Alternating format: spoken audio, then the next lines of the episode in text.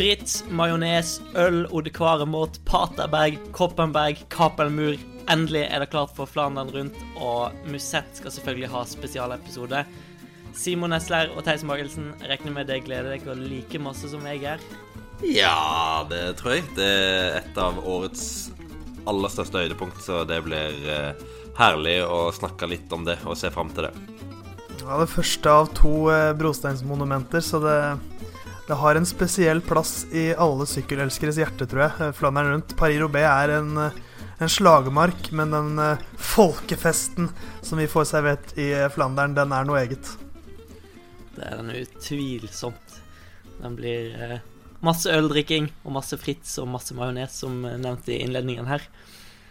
Eh, Vi går rett på sak. Eh, kan starte å se litt på løypa. Eh, Det er vel eh, så godt som ingen endringer eh, i løypa i år. Litt lengre distanse, én mindre bakke, har ikke Danmark kommet frem til? Jo, de dropper Pottelberg på veien tilbake igjen mot Holdt på å si mot, mot eh, strøssel av bakkene eh, etter å ha vært i, i Gerhardsbergen. Eh, så det blir litt lengre eh, mellom eh, Kapelmur og neste bakke der. Nå er det nesten tre mil til Kanariberg, mens Pottelberg i fjor og i forfjor var eh, rundt 15-20 km etter Kapelmur. Så det er vel eh, med mer eller mindre samme, sånn strategisk sett samme løype som, eh, som i fjor, med at det kanskje finalen begynner første gang opp Ode Kvarmont, kan vi si det? Ja, det gjør jo at eh, At uh, Gerhardsbergen nok får en mindre rolle å spille, all den tid det blir enda lengre tid å samle det igjen. Så det er vanskeligere å få en viktig luke der. Men uh, ja, det er nok eh, i Odd Kvarmont eh, det kommer til å virkelig sprekke opp når de kommer der andre gangen. Og fra, fra Olde Kvarmont andre gang så går det jo slag i slag med bakker på, på løpende bånd. Eh, det er vel ca. 60 km til mål fra Kvarmont, toppen av Kvarmont eh, første gang. Og så er det jo den kombinasjonen med Paterberg, da, som kommer rett etterpå, som skal kjøres to ganger. Eh, første gang da som nevnt med 60 km til mål, og så eh, toppen av Paterberg ca. 15-16 fra mål. Eller enda nærmere. Eh, nei, 14? 14. Ja. 13-14. Og så innimellom eh, de to kombinasjonen av Kvarmont og Paterberg, så er det jo Koppenberg, Sten Bektris, Timeberg, Kruisberg eh, og Trond, og så Kvarmont og Paterberg. Så det er det klassiske, klassiske løypa vi har blitt kjent med de siste årene og blitt, blitt glad i, med den klassiske ja, 13-14 km lange finalen som, som alltid den, den, over, den, kommer litt sånn overraskende på meg hvert eneste år, hvor, hvor rolig det egentlig er der. Så det, plut, plutselig er det bare vanlig asfaltvei inn mot uh, litt sånn øde asfaltvei. Det er så sterk kontrast. Men det, men, det, men det, skaper jo mulighetene for en ganske sånn taktisk finale, så nei, jeg, jeg liker Flandern Rundløypa, altså. Jeg vet ikke hva de tenker om sånn i forhold til den gamle løypa. Hva, hva liker det best? Simon ser ut vinduet og tenker eh, Ja, eh, jeg bare tenker på, på løypa, for jeg husker ikke detaljene i løypa. Jeg husker finalen, selvfølgelig, men jeg husker mm. ikke hvordan det ser ut eh, de siste åtte milene, så nå ble jeg litt usikker. Ja, det er litt, litt i samme bås, men uh, Men jeg syns vi har fått noen ganske brukbare utgaver de siste årene. Mm. Så den der Kvarmont-Paterberg-duoen liker jeg veldig, i hvert fall veldig godt. Det er Flandern rundt for meg nå, i hvert fall. altså ja, det, det, tok jo noen år før den virkelig satt seg. Det, folk hadde veldig mye respekt for han de, de første ja, to-tre utgavene, kanskje. Men, men nå de siste årene så har jo en, en virkelig fått dreisen på det og vet, vet, hvordan det blir. Og da har det blitt eh, ja, veldig gode ritt eh, alle gangene, egentlig. Så det er en, det er en fin, fin finale. Veldig enig. Eh, de fleste husker sikkert veldig godt den uh, Gerhardsbergen-Bossberg-kombinasjonen på slutten av den gamle utgava. jeg syns Ja. Så nå når de nyeste utgavene har vært ganske spennende, så er det lett å glemme hvordan de gamle var, i hvert fall. Var det ikke bare Cancellara eller Bonen eller sånt som tråkket ifra der, og så avgjorde de det der? Ja.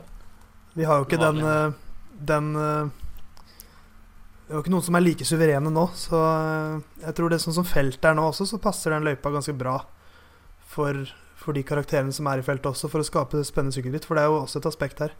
Rytterne som skaper rittet, ikke løypa. Er det ikke den klisjeen man pleier å bruke? Jo da, den fin, fin klisjé, det. Nei, så den uh, Denne løypa er jo Det er jo en hardere finale de siste seks mila enn det var tidligere, hvor en hadde både Kvarmont, Paterberg, Koppenberg og Timeberg før, før du har passert 200 km, mens eh, en nå har mye mer av de bakkene samla inne på de siste seks milene. Så det er en mye mer kompakt og tettere finale. Eh, så det er et eh, hardt ritt, men det er ritterne som virkelig gjør det hardt òg. Så blir det jo mer uh, tilskuervennlig også, da. Uh, for det er også et aspekt her, selvfølgelig. Med en mer uh, geografisk kompakt finale, så, så er det morsommere for dem som ser på, langs løypa. Og det blir jo også kanskje et bedre produkt på, på TV når det er mer folk langs løypa. Så, så de holder, kommer nok til å holde på den her noen år til, slik jeg ser det i hvert fall. Var nok det som var nedskrevet i manifestet når de lagde den nye løypa. Folkefester var nok eh, ja. viktigste punktet.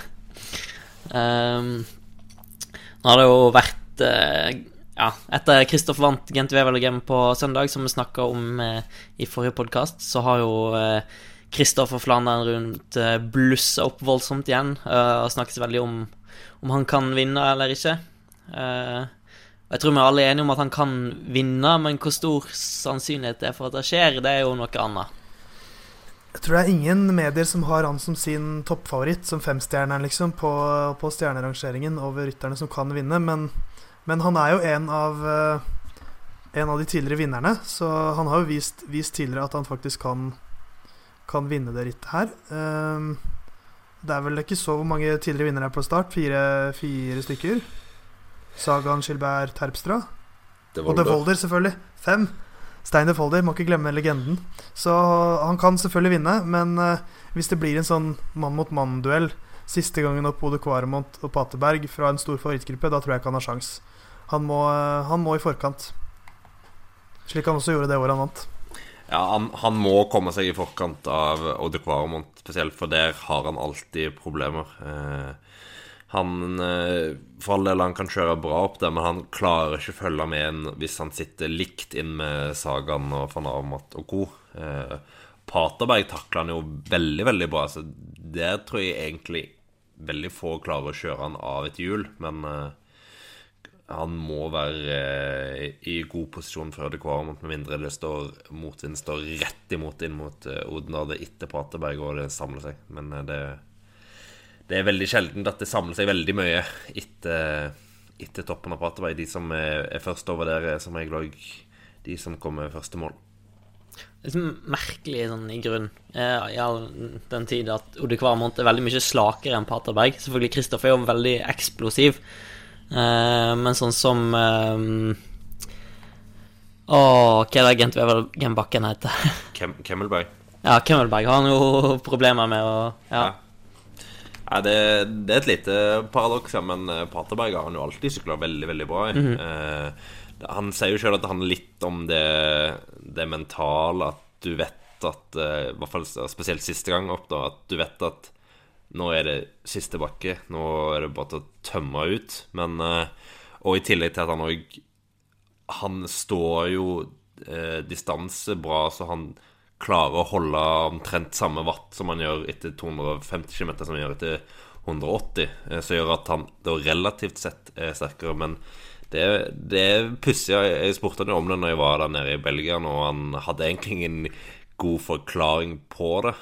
For, for de er jo veldig like. Det er mye av det samme som burde kreves eh, i form av styrke og sånt. Men eh, Han har av en, eller annen grunn løst Paterberg ekstremt bra, mens han jo på Kemmelberg jo i realiteten tapte kanskje 25-30 sekunder til Stybar og van Ert når de angrep eh, etter han der på søndag, så Men, men. Kemmelberg er ikke med nå på søndag.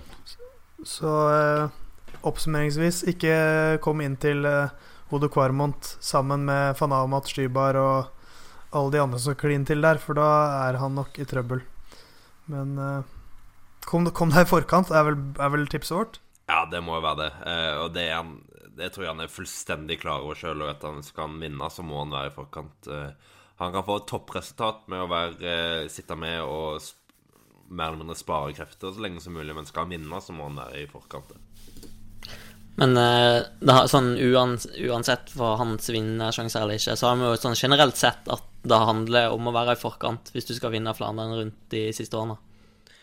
Ja, det handler om at du, du må investere krefter i å, i å tjene tid underveis. Du, du, kan ikke bare sitte og vente på Du kan egentlig du kan ikke sitte og vente på det hver til Paterberg heller. Det er som regel for seint, det òg. Eh, så du må, du må bruke krefter underveis, og det, det er veldig viktig å ha den innstillingen klar når du starter rittet.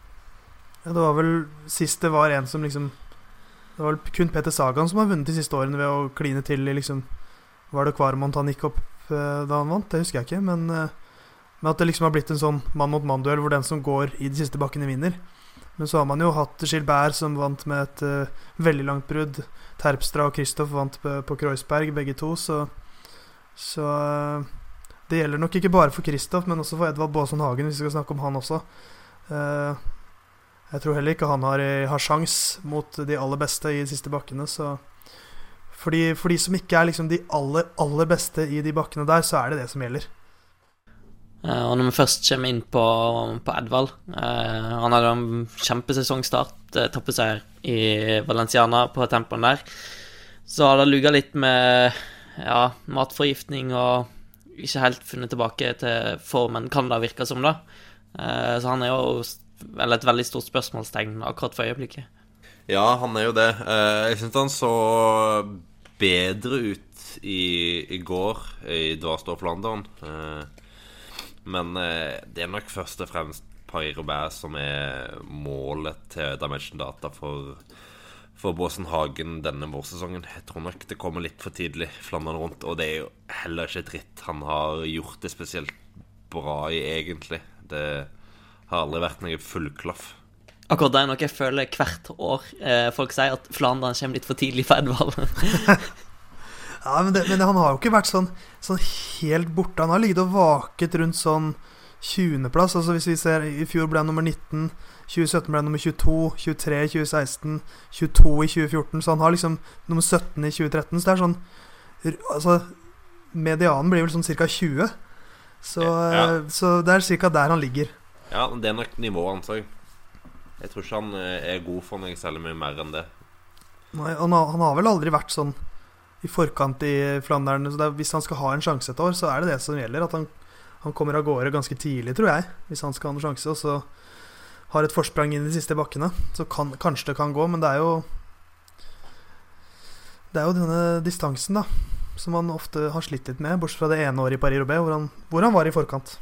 Ja, så Det er jo litt synd uh, i år når en har fått inn Valgren, og da sånn sett har åpna mye mer opp for at uh, For at Båsen kunne fått muligheten til å, til angrep underveis og, og kommet seg i forkant uh, ved å spille på at en har to ryttere i større grad enn, enn det en har kunnet gjort de siste årene i Dimension Data, hvor han ofte har vært ja, Om ikke alene så har han vært med Scott Twaite, f.eks., som jo heller ingen er, ikke er en stjerne på, på det nivået. Så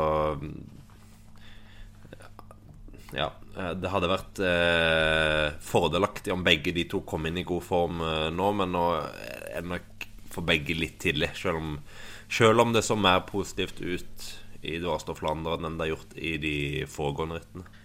Ja, gitt at begge to kommer inn litt sånn usikre, så ja, Da håper jeg at de går inn med den tilnærminga, at de skal prøve et eller annet. At både Valgren og Edvald prøver å komme i forkant og prøver å animere den finalen litt, og ikke bare sitte med. For jeg tror, kan, jeg tror det er like mye å hente på eh, både erfaringsmessig og med tanke på å tjene litt form og bare Og selvtillit, så klart, og kjøre litt offensivt. De har ingenting å tjene på å bare sitte og vente på Kvaremont og siste gang opp der. Altså det, da blir det bare at de blir kjørt av, og så blir de sånn 30.-ish plass på dem begge. Så de, ingen av dem er i god nok form til å, til å, avgjøre det i finalen, så de må bare animere litt underveis, som du sier, Knut. og de har jo to ryttere som, selv om de kanskje ikke er i absolutt toppform, så er det ryttere som kan gå av gårde tidlig og kan henge med en stund, tenker jeg. Så, så jeg håper vi får se et offensivt Dimension Data, men uh, jeg, jeg, savner litt den uh, Edvald må gjøre det oftere. Prøv, det er lett å si at han må gjøre det oftere. Han må forsøke å gjøre det oftere, slik han gjorde det året han ble, ble var, var, var, med i finalen i Paris-Roubais. For det er jo den eneste gangen han har vært med i, i finalen sånn for alvor i en av de store vårklassikerne, hvis vi ser bort fra Milano San Remo. Uh, så liksom Robé og Flandern Det er jo bare ett år han har vært i nærheten av å vinne en av dem. Ja, og da var han i forkant. Dimension Datalaget trenger virkelig litt positive assosiasjoner nå denne våren. Ja, det er ganske bekmørkt der, altså. Ja, og de, de, må jo begynne å, å få gode resultater òg, for de er jo i reell fare for å ikke få en World Tour-lisens i 2020, sånn som de ligger an, for de har jo så ekstremt få World Tour-poeng. Nå signerte de jo Valgren og Gasparotto og Kreuziger eh, med flere eh, for, at, for, å få inn litt mer poeng, men de, de har jo ikke kjørt inn så mye så langt. Så de er helt avhengige av å begynne å få resultater for å heller ta et eh, lag på World neste. Hvis vi hopper videre til uh, øvrige favoritter, så er det vel naturlig å se til uh, ja, hjemmelag. Det kunne en Quickstep, som har raska med seg et, en god bolk med klassikere allerede i år. og har virker som det kollektivt sterkeste laget. og som i hvert fall klarer å dra størst utnytte av å være kollektivt sterke. Eh, og de skal nok bli vanskelig å hamle opp med på søndag òg, skulle en tro. Og de har jo vunnet to år på rad, med Terpstra i fjor og Skilberg året før, så de har uh, mulighetene for her å få et, uh, et hat trick som nok ville gledet Patrick Lefebvre og, og, hele det belgiske folk. Nei, de er, det er jo det kollektivet som, som kanskje kan ses på som den største favoritten. Hvis det er litt vanskelig å plukke ut én rytter, så har de jo flere vinnerkandidater enn ganske mange andre lag, med, med Yves Lampert, Philip Gilbert, uh, Bobby Jungels, uh, Stenek Stybar. Så det er jo et lag som er i en ganske bra flyt også. Så de blir nok lei å ha med å gjøre. Ja, det, de blir leia av mye, det blir de absolutt. Men nå har han i hvert fall sett i både Gent Wevelgem og Dvaster Flandern at de ikke er uslåelige, som de egentlig virka litt eh, fram til, frem til Gent Wevelgem. Eh, og så er spørsmålet litt hvordan de kommer inn her nå, da. Eh, er syk, han er mageproblemer og brøyt eh, Flandern. Yvland Per har eh, Han har ikke fått vist seg så mye fram, har gjort mye grovjobb, så jeg er litt sånn usikker på hvor han egentlig står.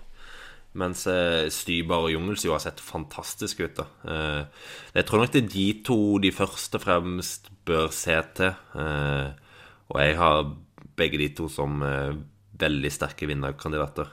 Jungels har overbevist meg veldig så langt i de flamske klassikerne.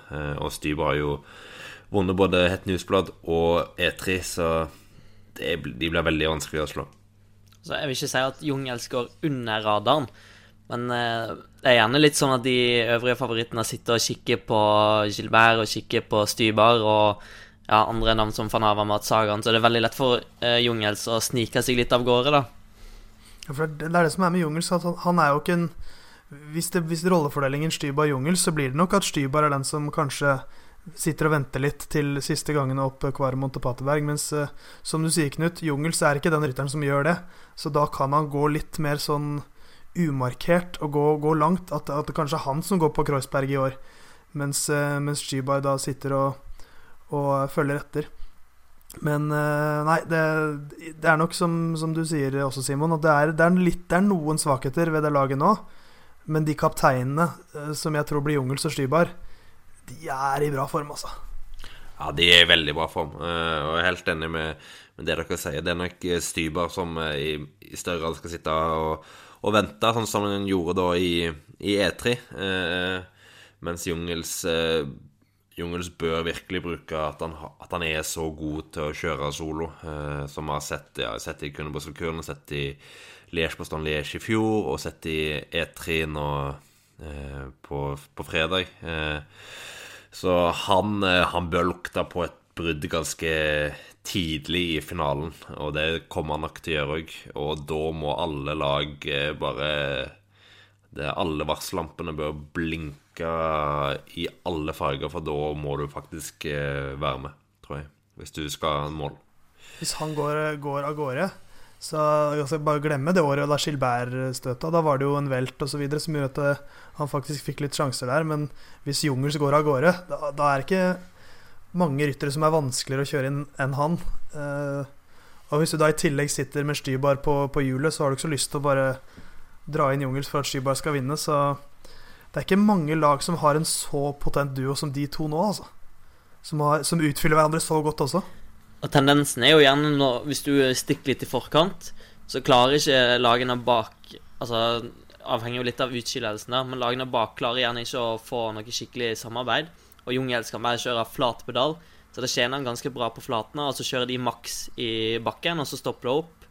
Altså hvis, hvis han har 10-15 sekunder over Patterberg siste gangen, da vinner han. For det er ingen som klarer å kjøre inn han på de siste 13-14 km. Nei, Du så jo hvor, eh, hvor mye jobb det måtte, måtte til fra Grey van Avermaet og co. i E3. Og du må, må nok rett og slett tømme deg hvis du skal kunne hente Jungels. Og da, og da blir det sånn at du har en styrbar på hjul som kan spurtslå ganske mange, spesielt med friske bein. Så nei, det, er en, det er en vanskelig duo å slå sjøl. Og da, da tror jeg nok du må Du må være med på, være med på det sjøl når, når de starter kjøret. Da Alex vant i eh, 2015, så hadde han vel sett seg ut eh, hjulet til Terpstra som en han, han tenkte at han skal følge i finalen. Kanskje det er Bob Jungels han skal prøve å følge i år? Ja, de har jo ganske lik rolle i, i quickstep. Ja. Tapster og Jungels begge er veldig gode til å, å, gå solo og holde eget tempo, så det er nok absolutt ingen dum idé. Egentlig ganske mange lag som har sterke kollektiv, eh, når jeg tenker meg om. Uh, altså EF, Education First, har jo ganske spennende Spennende lag, faktisk.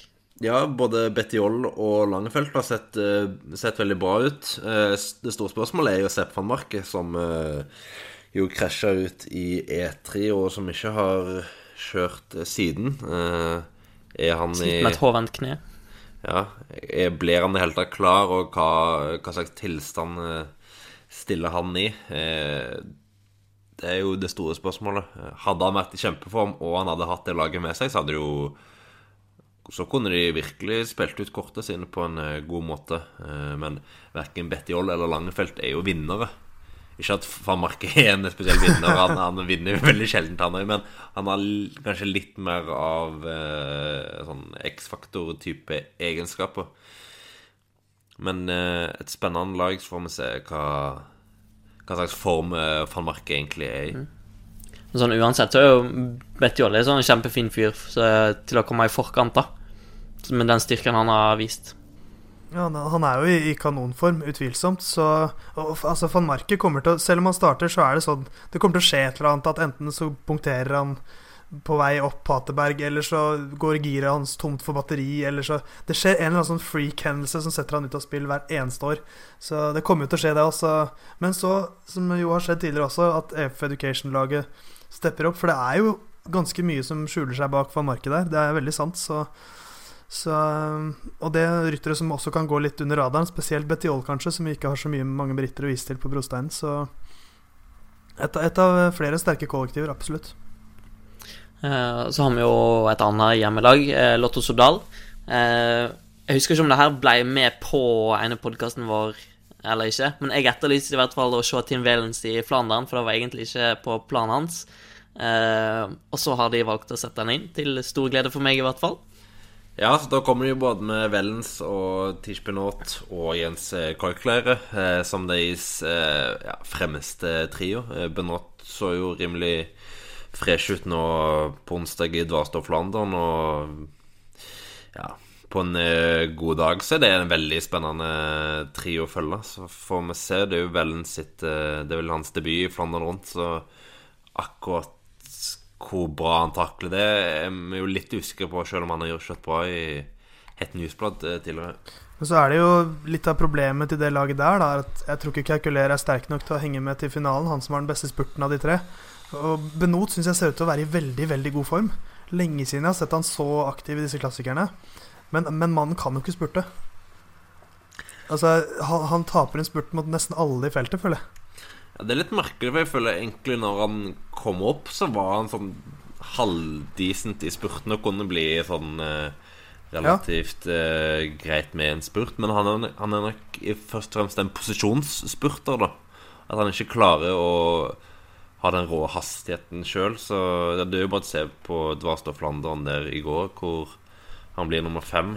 Og uh, for all del greier ryttere den gruppa, men ja Anthony Turgis og Bob Jungels og Lukas Postelberger. Det er jo ikke, det er ikke de råeste spurtene, det heller. Så å bli nummer fem der er jo kunne vært bedre.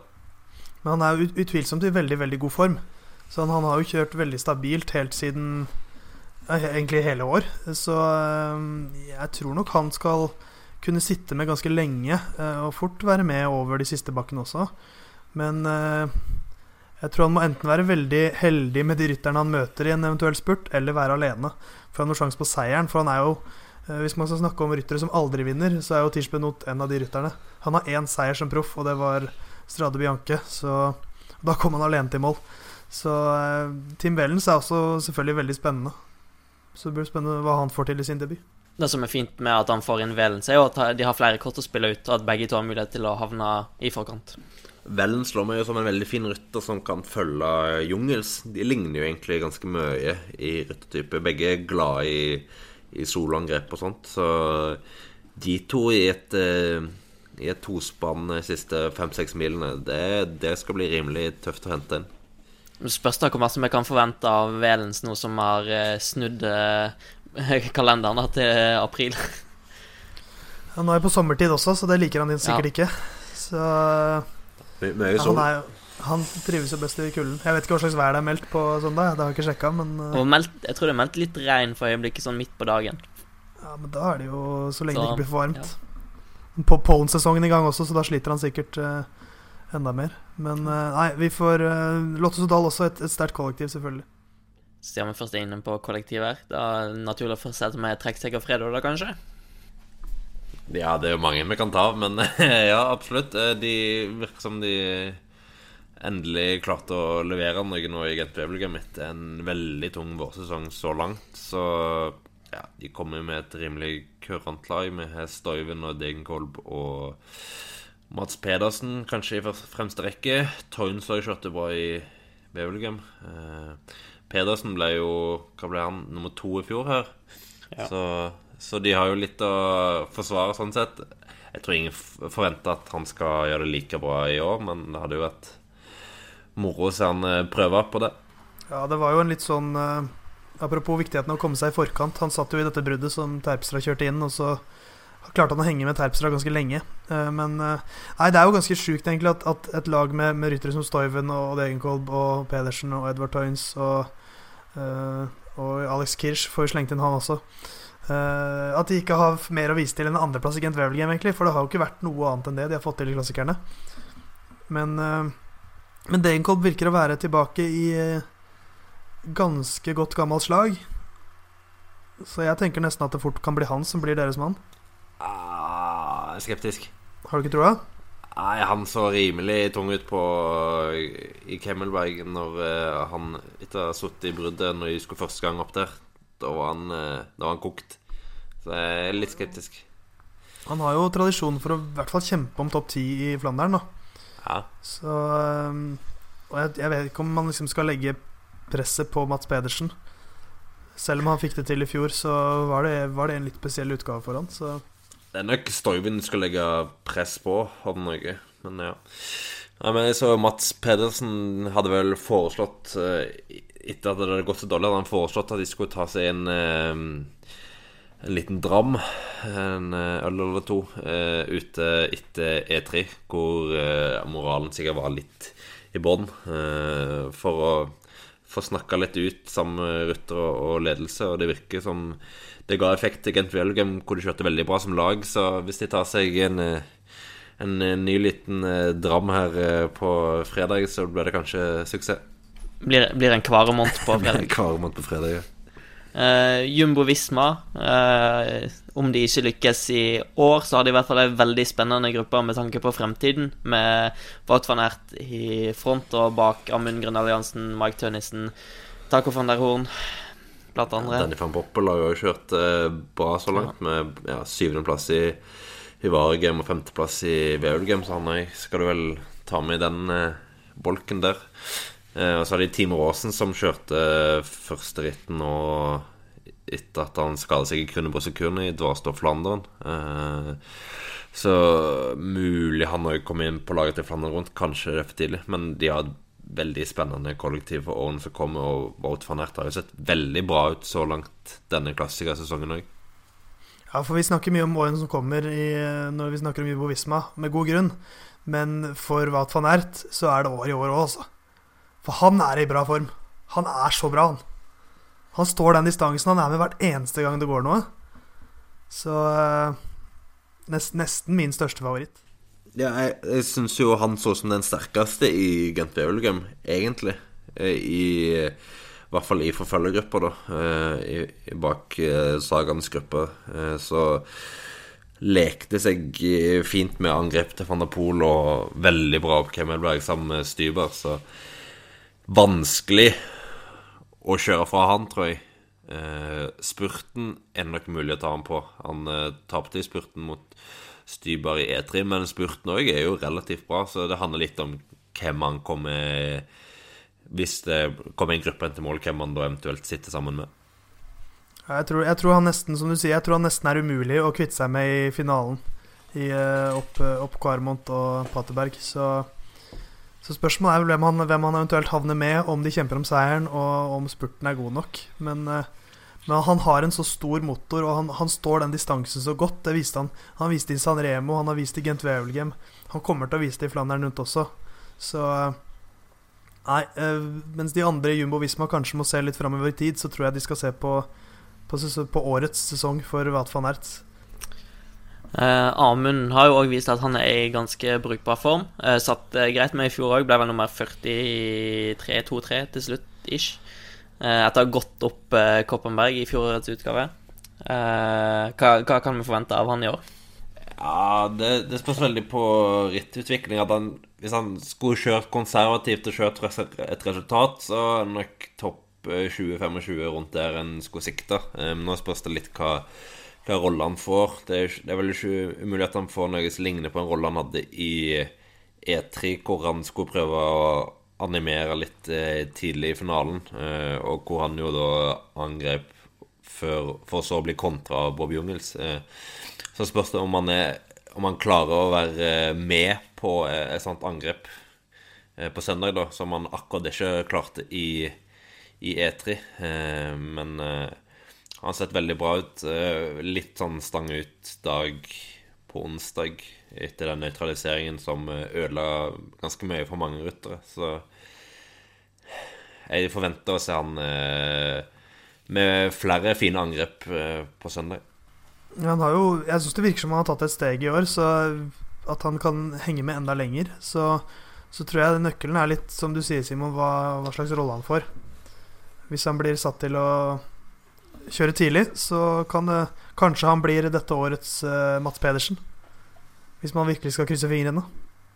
Og det er jo ikke helt umulig, faktisk. Nei, det er jo det som er et drømmescenario. Det er det som absolutt er det. Så da får vi se. Det hadde vært veldig morsomt. Og en ser jo på hvor mye, hvor mye han hadde igjen i beina i Gent Wevelgem, at uh, distansen er ikke et problem, og han uh, er mer enn klar nok for det. Så gjelder det bare å ha den riktige rittutviklingen på hans del om han skal få et toppresultat for seg sjøl. Hvis vi ser på de som ikke har så sterke lag rundt seg eh, Nikki Terpstra, eh, Peter Sagan, Greg van Avamat eh, van. Alejandro Valverde. Ja, ja. Litt, litt revete forslag, men jeg syns det er gøy. Jeg syns når en del av de har ganske greie lag rundt seg, da. Eh, sag, sa, ja, men de har gjerne ikke Altså, Sagan har jo oss eh, som kan være bra, Også, men eh, de har gjerne ikke Kostenberger og Burghardt. Altså, jeg, Ja. jeg, all jeg er enig med deg. De- De sitter ikke i finalen. De, de, kan ikke spille på tomat, men eh, Og Movistar kommer jo med Aviti, som jo er veldig Har en veldig god motor i de rittene her, og Oliveira, som var kjørte veldig bra i Dvarstad Flandern før han fikk en punktering, hadde trolig vært eh, med i den tetgruppa inn til mål, hvis ikke. Eh, Sutterlin, som har kjørt eh, ganske greit så langt i klassikerne, topp 10 E3, og Roland, som har slitt litt med Han slitt litt med noe sykdom, men eh, er jo en belgisk klassikerrytter av rang, det, så. Men spørsmålet er hva får Valverde er. Han eh, har jo ikke vært i like god form som en kanskje har vært vant til de siste årene, så det skal nok bli vanskelig. Han var ganske bleik i Catalonia, så han startet jo 2018 i veldig god form etter en veldig hard opptrening etter kneskaden, så det var litt av grunnen til at han begynte så forrykende. Men, eh, men van Avermaet, han jo, har jo vært stabiliteten sjøl i det rittet her de siste årene, men, men det er kanskje den eneste klassikeren Eller det, det er nok den klassikeren han savner. Og han har vel hatt bedre utgangspunkt enn det han har i år.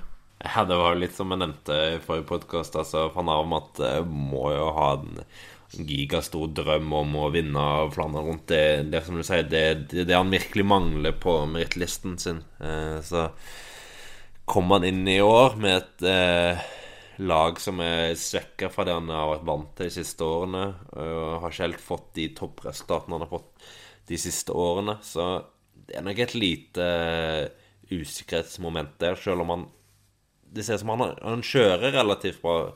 Han, formen virket å være bra, men uh, sliter litt med å få inn Få inn toppresultatene. Han er litt tilbake til det sporet han hadde for tre-fire år siden, hvor det var mye nesten. Tror, hvis han skal vinne Flandern på søndag, så tror jeg han er nødt til å å prøve å bare legge fra seg alt ansvar og prøve å skli litt med. For når han begynner å kjøre og angripe sjøl og gå etter og taue inn, så kommer det en kontra fra et eller annet lag som sitter i overtall, og så sitter han i bare. Ja, nei, det, er, eh, det har vært mye nesten. Det er vel to andreplasser og en tredjeplass han har, og flere, flere topplasseringer eh, litt lenger ned på, på lista, så kan ikke lene seg for mye på laget sitt. Blir det en han, han er jo en av de rytterne som kan vente til til eh, de siste bakkene, og det kommer han sikkert til å gjøre også, kjenner jeg han rett, men Nei, det Han har hatt sesonger hvor han bare alt, alt går hans vei, men jeg, jeg han, burde jo vært en større favoritt enn det han er, for han er så god. Men eh, det er ikke han som nevnes i første rekke i år. Og det kan jo kanskje være hans lille fordel også. At uh, nå, nå er vi litt ute i klassikersesongen, og han Han er ikke den som alle ser mot når de kommer inn i Flandern rundt nå. Så, men da må han jo være såpass kald at han tør å spille på det òg. Men eh, han virker litt het på grøten. Jeg har fortsatt eh, et par navn vi ikke har fått eh, via så masse tid til eh, ennå. Deriblant eh, Peter Sagan, som en vel aldri skal undervurdere. Nei, altså det er eh, Han er jo et, et unikum. Sykkelsportens eh, største rytter. Han, han har jo vunnet her før, som nevnt, i 2016. Da var han den sterkeste i siste bakken og kjørte solo inn uh, til mål. Så, uh, så selv om det ikke har vært hans mest Hans beste sesong Han har vel bare én seier uh, i Tour Down Under. Og I klassikerne så var han jo, var han jo bra med i, i Milan Sanremo, men rotet det litt bort. Og så har han for så vidt vært ganske synlig i klassikerne, spesielt i Gent Wevelgem. Men noen store seire har det ikke blitt. Men han er jo alt Han kommer jo til å være med, han òg. På et eller annet vis. Ja, han hadde jo denne sykdomsperioden sin i forkant av Trino Adriatico som gjorde at han kom litt usikker inn, og eh, spesielt etter E Spesielt etter E3 så økte nok den usikkerheten hvor han ikke hadde kreften til å følge van Avermat i Tigenberg på slutten der. Riktignok en liten mekanisk, men eh, I Gent Wevelgem, som du sier Theis, så så han mye bedre ut, og var han tross alt eh, 200 km i front, og det gjør du ikke om du er i litt dårlig form.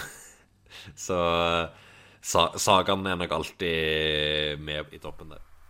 Og hvis vi skal se på hvem som har støtte fra laget, så virker jo Daniel Aas å være i knallgod form. Lukas Pøstelberger viste at han også kan henge bra med, så han er nok ikke uten støtte heller. Så man, man kan aldri avskrive Peter Sagan. Det, han, han, har vunnet, vunnet ritt når man tror han har vært litt svekket, så han kan fort finne på å ta sin andre seier her. En annen som har et uh, kurant lag rundt seg, er jo Luke Rowe, som viste uh, bra kjørestyrke i Gent Wevelgem. Uh, har med seg Gianni Moscon og Ian Stannard og Simon sin uh, Jeg, jeg tror, føler det er en favoritt av Simon, i hvert fall. Dylan van Barle. Ja, det, Dylan van Ball er en stor favoritt hos meg. Verdensmester i å komme i forkant, som jeg pleier å kalle han. Så et, et spennende lag. usikker på hvordan de stokkekortene. Eh, for Moscon har ikke vært overbevisende så langt i år. Eh, normalt sett kanskje den sterkeste, men eh, ikke overbevisende. Roe har sett bra ut, og van Bale er nettopp tilbake etter et håndbrudd i omloppet Newsblad, og kjørte nå i Italia i Coppa Bartoli og fikk en sjetteplass der, så han har tydeligvis beholdt formen greit. Og nå tilbake på brostein i Dvarstov Flandern. Så eh, par sterke kort. Ingen av de er favoritter, så her, her bør det jo være litt angrepsbonanza egentlig underveis. Ja, det, det syns jeg absolutt. Det er vel kanskje et, et, lag som jeg ser på som litt mer passende i Paris-Roubais. Uh, Rytter som Roe og Stannard, selv om Roe jo har en femteplass fra, fra Flandern tidligere. Så, men uh, nok, nok, et lag som nok må være litt i forkant, for Roe og Stannard og co. De henger ikke med helt når Stybar og van Ert osv. går i siste bakkene. Men, uh, men det, er, det, er, en bredde i det laget. Og Owen har vel virker å ha tatt et steg som klassikerrytter. Han også ble nummer to i Kyrne Brussel Kyrne. Og, og, kan nok sikkert eh, bidra med, med, å hjelpe en, en, god stund. Så det er nok et lag der som fort blir en, en faktor i finalen, de òg. Eh, en annen som nok blir faktor i finalen, eh, Oliver Nasen hatt en veldig god sesong så langt. Eh, mangler seier, riktignok, men eh, han har vel vært overbevisende, vil jeg si. Ja, jeg får ta kanskje litt mer av han i E3. Det er vel kanskje mitt ankepunkt mot han. Eh, eh, men det var vel først og fremst det at han satt litt på feil plass når van Avmat gikk til å starte kjøret opp mot Jungels, sånn at han ble sittende akkurat bak, og da kom de seg ikke opp, selv om de òg prøvde en stund der. Eh, men ja, veldig god form i Brisnis og Milan Sanremo. Remo. Så er spørsmålet om han har blitt sjuk. Han har fått eh, bronkitt etter Gent Fjølgem. Mener sjøl at det var champagnedusjen fra Alexander Kristoff som, som sørga for det. Så det er jo ingen optimal oppladning akkurat, og han er på antibiotika, så det er jo ikke heldig. Nei, det må jo Der har du konspirasjonsteorien sin. ja, det, det, må jo prege han. Eh, men han har jo vist veldig, veldig god form. Har vært en av de eh, største oppturene eh, i, i, vår, syns jeg, med, med, veldig mange gode plasseringer. Har vist i San Remo og vist i Gent Wevelgem at han også har en bra spurt. Men han er jo litt som Sepp van Marke på den måten at han aldri vinner. Han har fire seire som proff. Og han burde hatt mye mer. For han er jo vanvittig god, men han, han vinner jo maks ett sykkelritt hvert år. Er det han har gjort de siste fire årene. Så kanskje dette er hans i år, da. Ja, det er vel uh, Britannia Classic han virkelig har eh, hevda seg i. Han har vel i hvert fall én, kanskje to seire der. Han har to uh, seire der, ja. 2016 og 2018. Ja.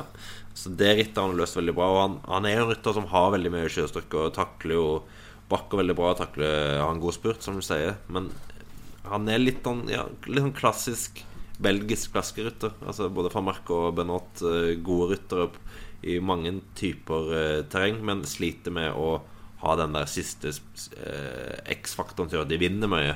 Litt av det samme van Armat òg egentlig sleit med ganske lenge i sin karriere. Så veldig sterke ryttere, men mangler det siste når du ikke har ritt som er veldig harde, som jo de belgiske klassikerne er. Så jeg tror mange unner han en seier. Han er en godt likt uh, rytter, så vidt jeg har inntrykk av.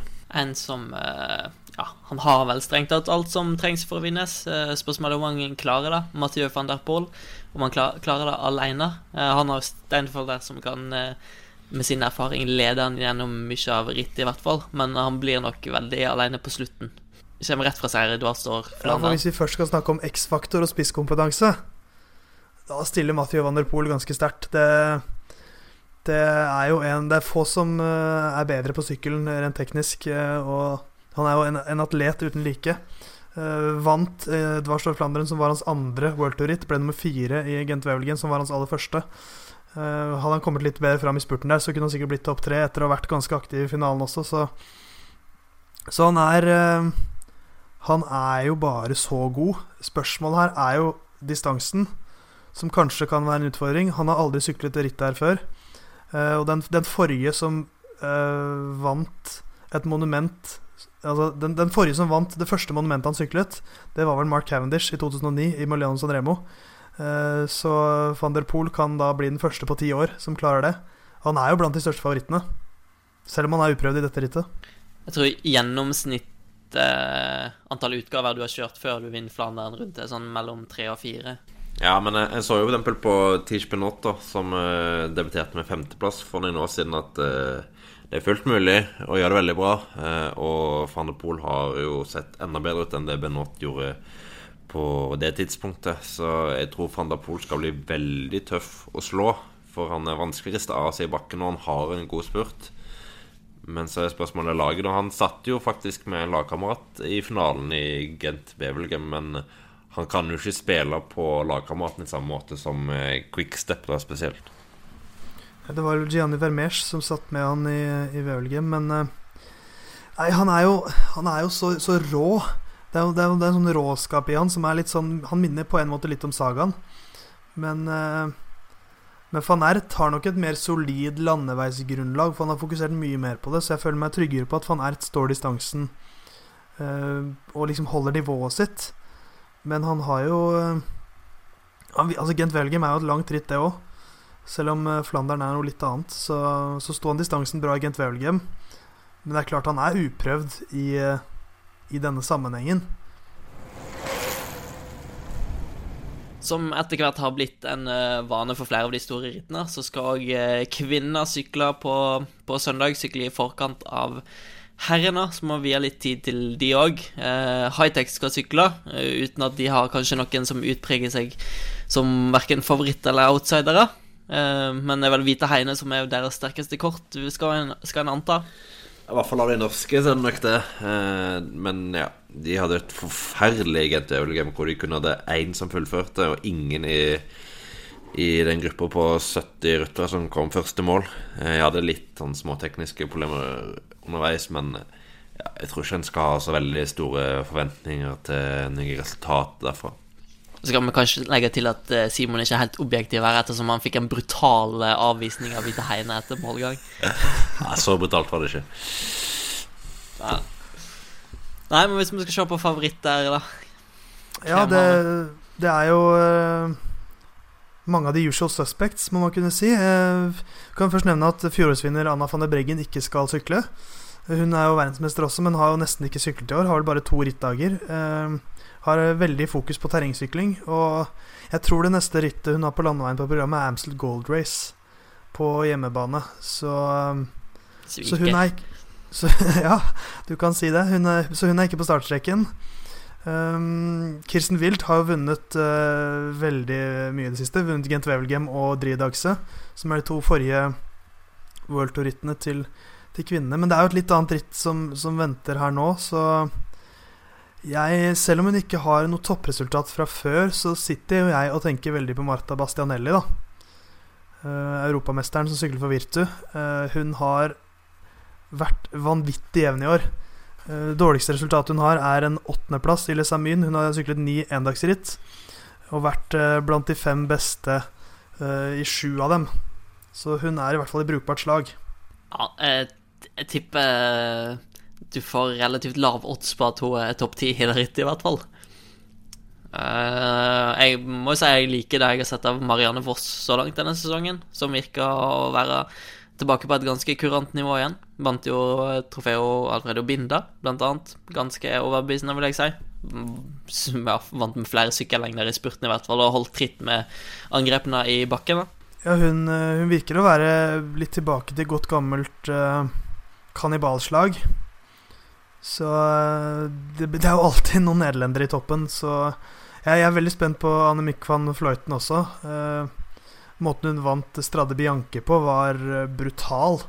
Så hun, hun ble nummer, nummer, tre her i fjor. Vant i 2011, så hun har vist før at hun er god nok for å vinne her. Og, og er jo en, en klar vinnerkandidat hos Michelin Scott, i hvert fall. Ja, det er jo et relativt uh, hardt ritt, sånn som for eksempel uh, Dvarstad Flandern uh, her på onsdag var jo relativt mye lettere enn det herren hadde, relativt sett, mens her så har du jo stort sett den samme finalen. Du kjører Kappelmur, og så dropper du eh, Odde Kvarmont, Paterberg og Koppenberg-kombinasjonen første gang. Man kommer heller inn i, i Timeberg eh, og kjører ja, Kreuzberg og, eh, og Tond, og så inn i Kvarmont og Paterberg, og så de, da de siste 13-14 km til mål. Så det er et uh, hardt ritt. Uh, så det blir nok ingen stor gruppe til mål, vil jeg tro. Uh, det blir nok jeg tipper det blir en eh, soloseier, så jeg tipper det blir van Fløyten for min del. Mens òg Bolle Stolmann skal han jo alltid se opp for. Og Ellen van Dijk så jo bra ut nå i Dvarstad Flandern, men jeg er ikke helt uh, om den er en stor favoritt, egentlig. Nei, hun så For å nevne van Dijk litt mer, så tror jeg hun også kan være en, en virkelig kandidat her. Hun hun har vunnet tidligere, hun også. Og den, den ene gangen det har sluttet i, i, spurt de siste årene, var jo i 2017, da Coin Rivera vant. Og det var eh, nesten utelukkende pga. at Ellen van Dijk satt med i gruppa og samlet det for, for Ivera. Mens nå har jo van Dijk byttet lag til, eh, til Trek Fredo Så, så det, det, blir nok fort en solo, enten soloseier eller at det kanskje er to ryttere eller en liten, bitte liten gruppe som går inn foran en litt større gruppe. Så så det er jo ofte mange av de samme. Jeg syns Lisa Brennhaus har sett veldig bra ut for VNT Rotor. Jeg har litt mer tro på henne enn Kirsten Wilde, egentlig. Og eh, Kasia Neviadoma, kanskje ikke ritt som passer henne aller best, men hun er også i veldig, veldig god form. Eh, Lisa Longo Borghini også en kandidat hos uh, Strek Segafredo, så det er eh, ganske mange som kan, eh, kan, kan, vente til den siste, siste gangen opp eh, Odo Kvarmont og Patberg, eller den ene gangen de skal opp der. Fort er det det blir avgjort. Og så vår eh, lille favoritt eh, Cecilie Utrup Ludvig skal òg sykle. Også hun har vist veldig god form i det siste, så mm. Det er jo litt um, Selv om man, man, tenker at hun kanskje ikke funker så bra på brostein, så, så, er det litt andre Hva skal man si I kvinnesykling så er det ofte litt mer de samme rytterne som, som gjør det bra i, i, veldig mange ritt. Så at hun kan uh, blande seg inn i finalen her, det er ikke, er ikke umulig. Hun ble nummer tolv i 2017, da. Så jeg tror ikke hun kommer til å gjøre seg helt bort, altså. Nei, utvilsomt. Så Nei, men skal vi, skal vi valgte oss en vinnerkandidat hver, kanskje? Ja. Skal vi ta både kvinner og herrer i samme slengen, da, kanskje? Jeg tror ikke vi har tatt uh, herrer ennå. Skal vi ta kvinnene først, da, siden vi, var, eh, vi, vi er innom dem nå? Ja. Er det noen som har lyst til å begynne? Uh, jeg kan starte. Marianne ja. Foss. Marianne Foss, ok. Men apropos subjektivitet, så er jo jeg ekstremt subjektiv der, bare for sagt. ja, men hvem er ikke det? Hun er jo, hun er jo relativt rå, så det, ja, det er lov å, å, være glad i henne. Hva med deg, Simon? Uh, nei, jeg tror på kjempekreften til Anne van Fløyten. Hun kommer solo til mål. Ja, det er uh, Det er jo to veldig gode, veldig kjøresterke ryttere, så da får jeg uh, ta den jeg nevnte først, og si Marta Bastianelli. Europamesteren vinner. Over til herrene, da? Hvem vil starte ballet? Åh, nei, Det er et vanskelig spørsmål. Jeg er ikke helt sikker på om jeg skal velge selv. Er det, no, er det noen som har bestemt seg, så kan de få lov til å gå altså, først. Altså, magefølelsen min sier valgt for nært, da. Ok Det er et eller annet der som Men er det det, ja. er det det som du blir litt valg også? Følger du magefølelsen? For det var han, han, var den jeg satt og tenkte mest på nå, men, men det er også sånn jeg, jeg, sliter på en måte litt med å se han vinne det. Ja det samme her. Men han kan fort gjøre det også, vet du. Men det, men det er liksom Han kommer jo til å bli topp fem nesten garantert, føler jeg. Men jeg ser liksom for meg at han blir nummer, nummer fire. Av en eller annen grunn. Theis som har eh, drømt mye og flannet rundt de siste dagene her, altså. Ja. Nei, jeg kan eh, starte. Jeg tror eh, Bob Jungels vinner. Eh, Å, det liker jeg. en eh, estetisk helt nydelig syklist, og en uh, syklist også som har en, alltid en offensiv holdning i eh, de endagsrittene her. Så jeg håper på et angrep fra han uh, holder hele veien inn. Uforskammet bra hår uh, også. Eh, bare se etter at han ble nummer tre i Dvarstår, tar av seg hjelmen. Perfekt. Kunne gått rett inn i en sjamporeklame, så det, det Da blir det en estetisk nytelse Ja, altså, både det er jo og hjelmform på den sveisen, da, så eh, Ja men, men, men, ja, men det handler mer enn sveisen. Det handler om at håret er så bra. Altså, han, Han har liksom, Du Ja, ser at grunnlaget ja. er der for å ha verdens beste sveis. han bør være eh, hovedprioriteten til Katusjalpe sin eh, de neste ne, ved neste mulighet. Får de inn han og Tom de Molay, da tror jeg de er uh, set for life, altså. I tillegg til at de har Kittel fra før. Så, Ja. Ja. De må bare begynne å vinne litt sykkelritt. Nei, eh, jeg liker veldig godt Bob Jungels. Jeg angrer på at jeg ikke valgte han selv. Eh, og i og med at jeg har prata litt eh, dritt om van Ert, ikke dritt, men sagt at jeg ikke tror han vinner, så Nei, jeg skal være litt Kanskje ikke kontroversiell, men Greg van Avermaet. Åh, nå kom du meg i forkjøpet her. Gjorde jeg? Boom! Eh, Nei, han, nei. han har jo vært så nære så mange ganger. Og det, jeg syns det er så typisk at det året hvor bare ingenting stemmer for han, så går det endelig i, eh, i Flandern. Så Golden Greg, you're my boy. Jeg tror, jeg tror det er litt usikkerhet som skinner gjennom eh, mikken her, og med god grunn. Det er ganske mange som kan vinne her, og ganske mange scenarioer, så det er ikke så lett å, å plukke seg ut noen. Men eh, Ja. Jeg gir deg fem sekunder. Det går for Nasen, da. Han viste at han har en god avslutning, så ja, ja, ingen som velger Van de Pool. Jeg trodde noen kom til å Ingen gjøre det. van de Pool, ingen van Ert og eh, ingen Styver. Det er Ingen Sagaen. ingen saken her, da. Det er vel eh, Nei. fort eh, f- de fire, De fire der er vel fort topp eh, syv-åtte hos bookmakerne, så vi prøver oss litt. Men jeg tror det er tre ryttere som alle har eh, gode muligheter til å vinne. For det er sånn, da. Har vært en frekk pall, det, da. Jungels, van Avermaet, Nasen. Det ser jeg gjerne. Hva er, hva er hva er foretrukket i rekkefølge? Nei, jeg vil nesten at Jungels skal vinne, altså. Jeg syns men, eh, fortjener å ja. vinne endelig, altså. Jo, det, det er ikke feil, det heller, altså. God. Så lenge det ikke blir terpstra, for det syns jeg er litt kjedelig. Men samtidig så syns jeg òg Nasen fortjener veldig å få en sånn stor seier. Så, Tish, Tish. Ja. Nei, nå, nå har vi valgt våre, våre alternativer. Benot vinner i hvert fall ikke. Men eh, hvordan eh, tror dere rittet kommer til å bli avgjort? da? Hvor, hvor kommer det til å skje? Jeg tror det er en som går i forkant, før de siste bakkene. Før Paterberg og Odo Kvarmon siste bank. Jeg tror, jeg tror vinneren er i fronten inn i Odo Kvarmon første gang. Nei, nei siste, siste gang, mener jeg. Uh, litt, litt som i fjor. At uh, Da Terpstra gikk, at man kanskje kjører inn noen Ja. som har ligget i front, og kjører Og at det kan fort bli jungels. Men, men jeg tror det er sånn det blir avgjort. Jeg tror det blir veldig lignende som i fjor og flere tidligere år, at etter Koppenberg, eh, altså mellom Koppenberg og Hotond, så blir rittet avgjort. Hva tror du, Simon? Eh, nei, det er vel eh, noe i de samme banene. Eh, jeg tipper, tipper vinnerstøtet går eh, på Håper jeg flata på toppen etter Timeberg. Når det summer seg etter toppen, at det går et angrep der. Vi kan avslutte med det. da Hva, hva blir beste norske plassering? Det blir Kristoff, men hvilken plassering tar han? Jeg tror nok det blir Kristoff. All historie tilsier jo det. Eh, med mindre Amund får til et eller annet eh, ekstraordinært i et eh, brudd. Eh, men ja, jeg tipper Tipper en åttendeplass i en eh, spurt, da. Om åttendeplassen. Går for 20.-plass. Femteplass. Eh, typ, typisk femte. Vinner spurten Ja, i det- gruppa bak. har vel vært en ganske klar tendens til å samle seg ei gruppe bak eh, eh, Bak ja, fem-seks beste. Mm. Så der omkring. Jeg tror vi sa akkurat det samme Jeg tror vi hadde en pod om Flandern rundt i fjor, jeg og Magnus, og sa akkurat det samme. At det savner seg en gruppe bak, og så vinner Kristoff spurten.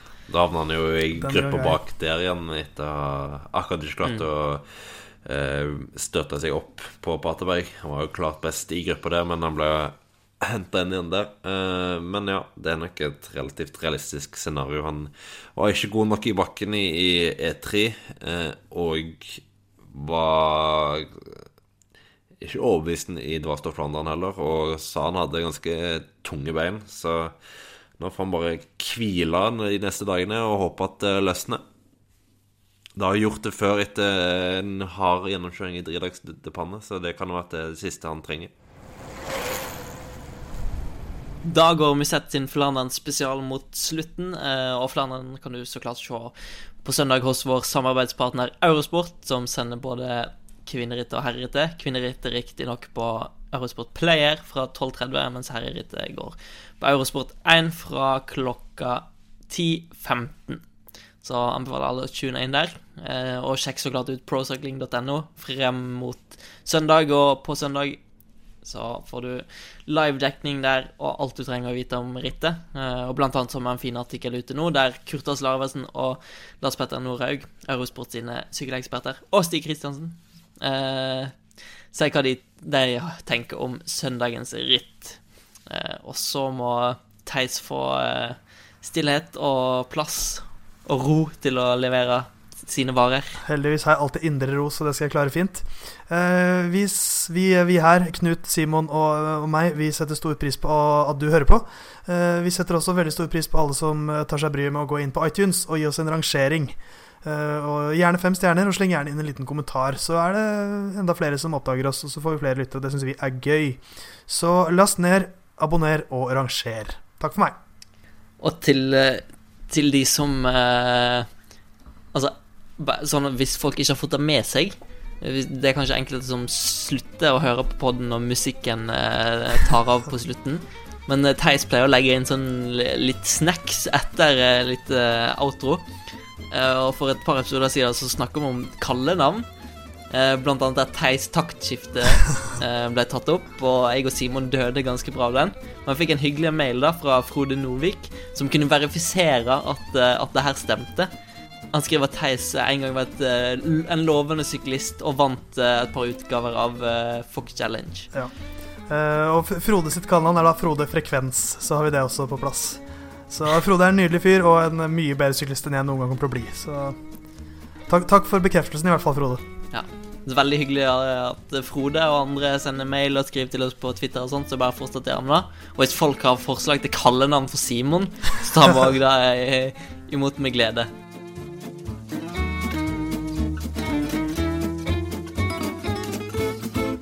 Theis, taktskifte kjapt innom her fra redigeringsbua. Midt under at vi spilte inn vår Musett-episode, så ringte det på døra hos finn.no-mester Knut Lone, som skulle selge en hva var det han kalte det, en vognpose til barn, tror jeg. Så eh, du kan jo få høre hvordan det hørtes ut.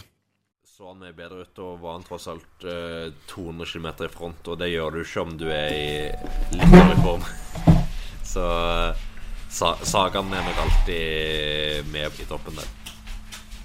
Da husker jeg bare at du har sagt det, så kan jeg vente på Knut. Sagaen er alltid Det var ikke Magnus. Jeg vaska den uh, litt tidligere, så den er vel ikke helt tørr. Og jeg håper vi får se den. Hallo! Nei, vips er ikke greit. Mobile Pay! Cash. M-cash. ja. Vi tar mastercard. Jeg vil ha, jeg vil ha mobilbankoverføring. Å, de snakker om været. De snakker om været. Klassisk norsk samtaleemne.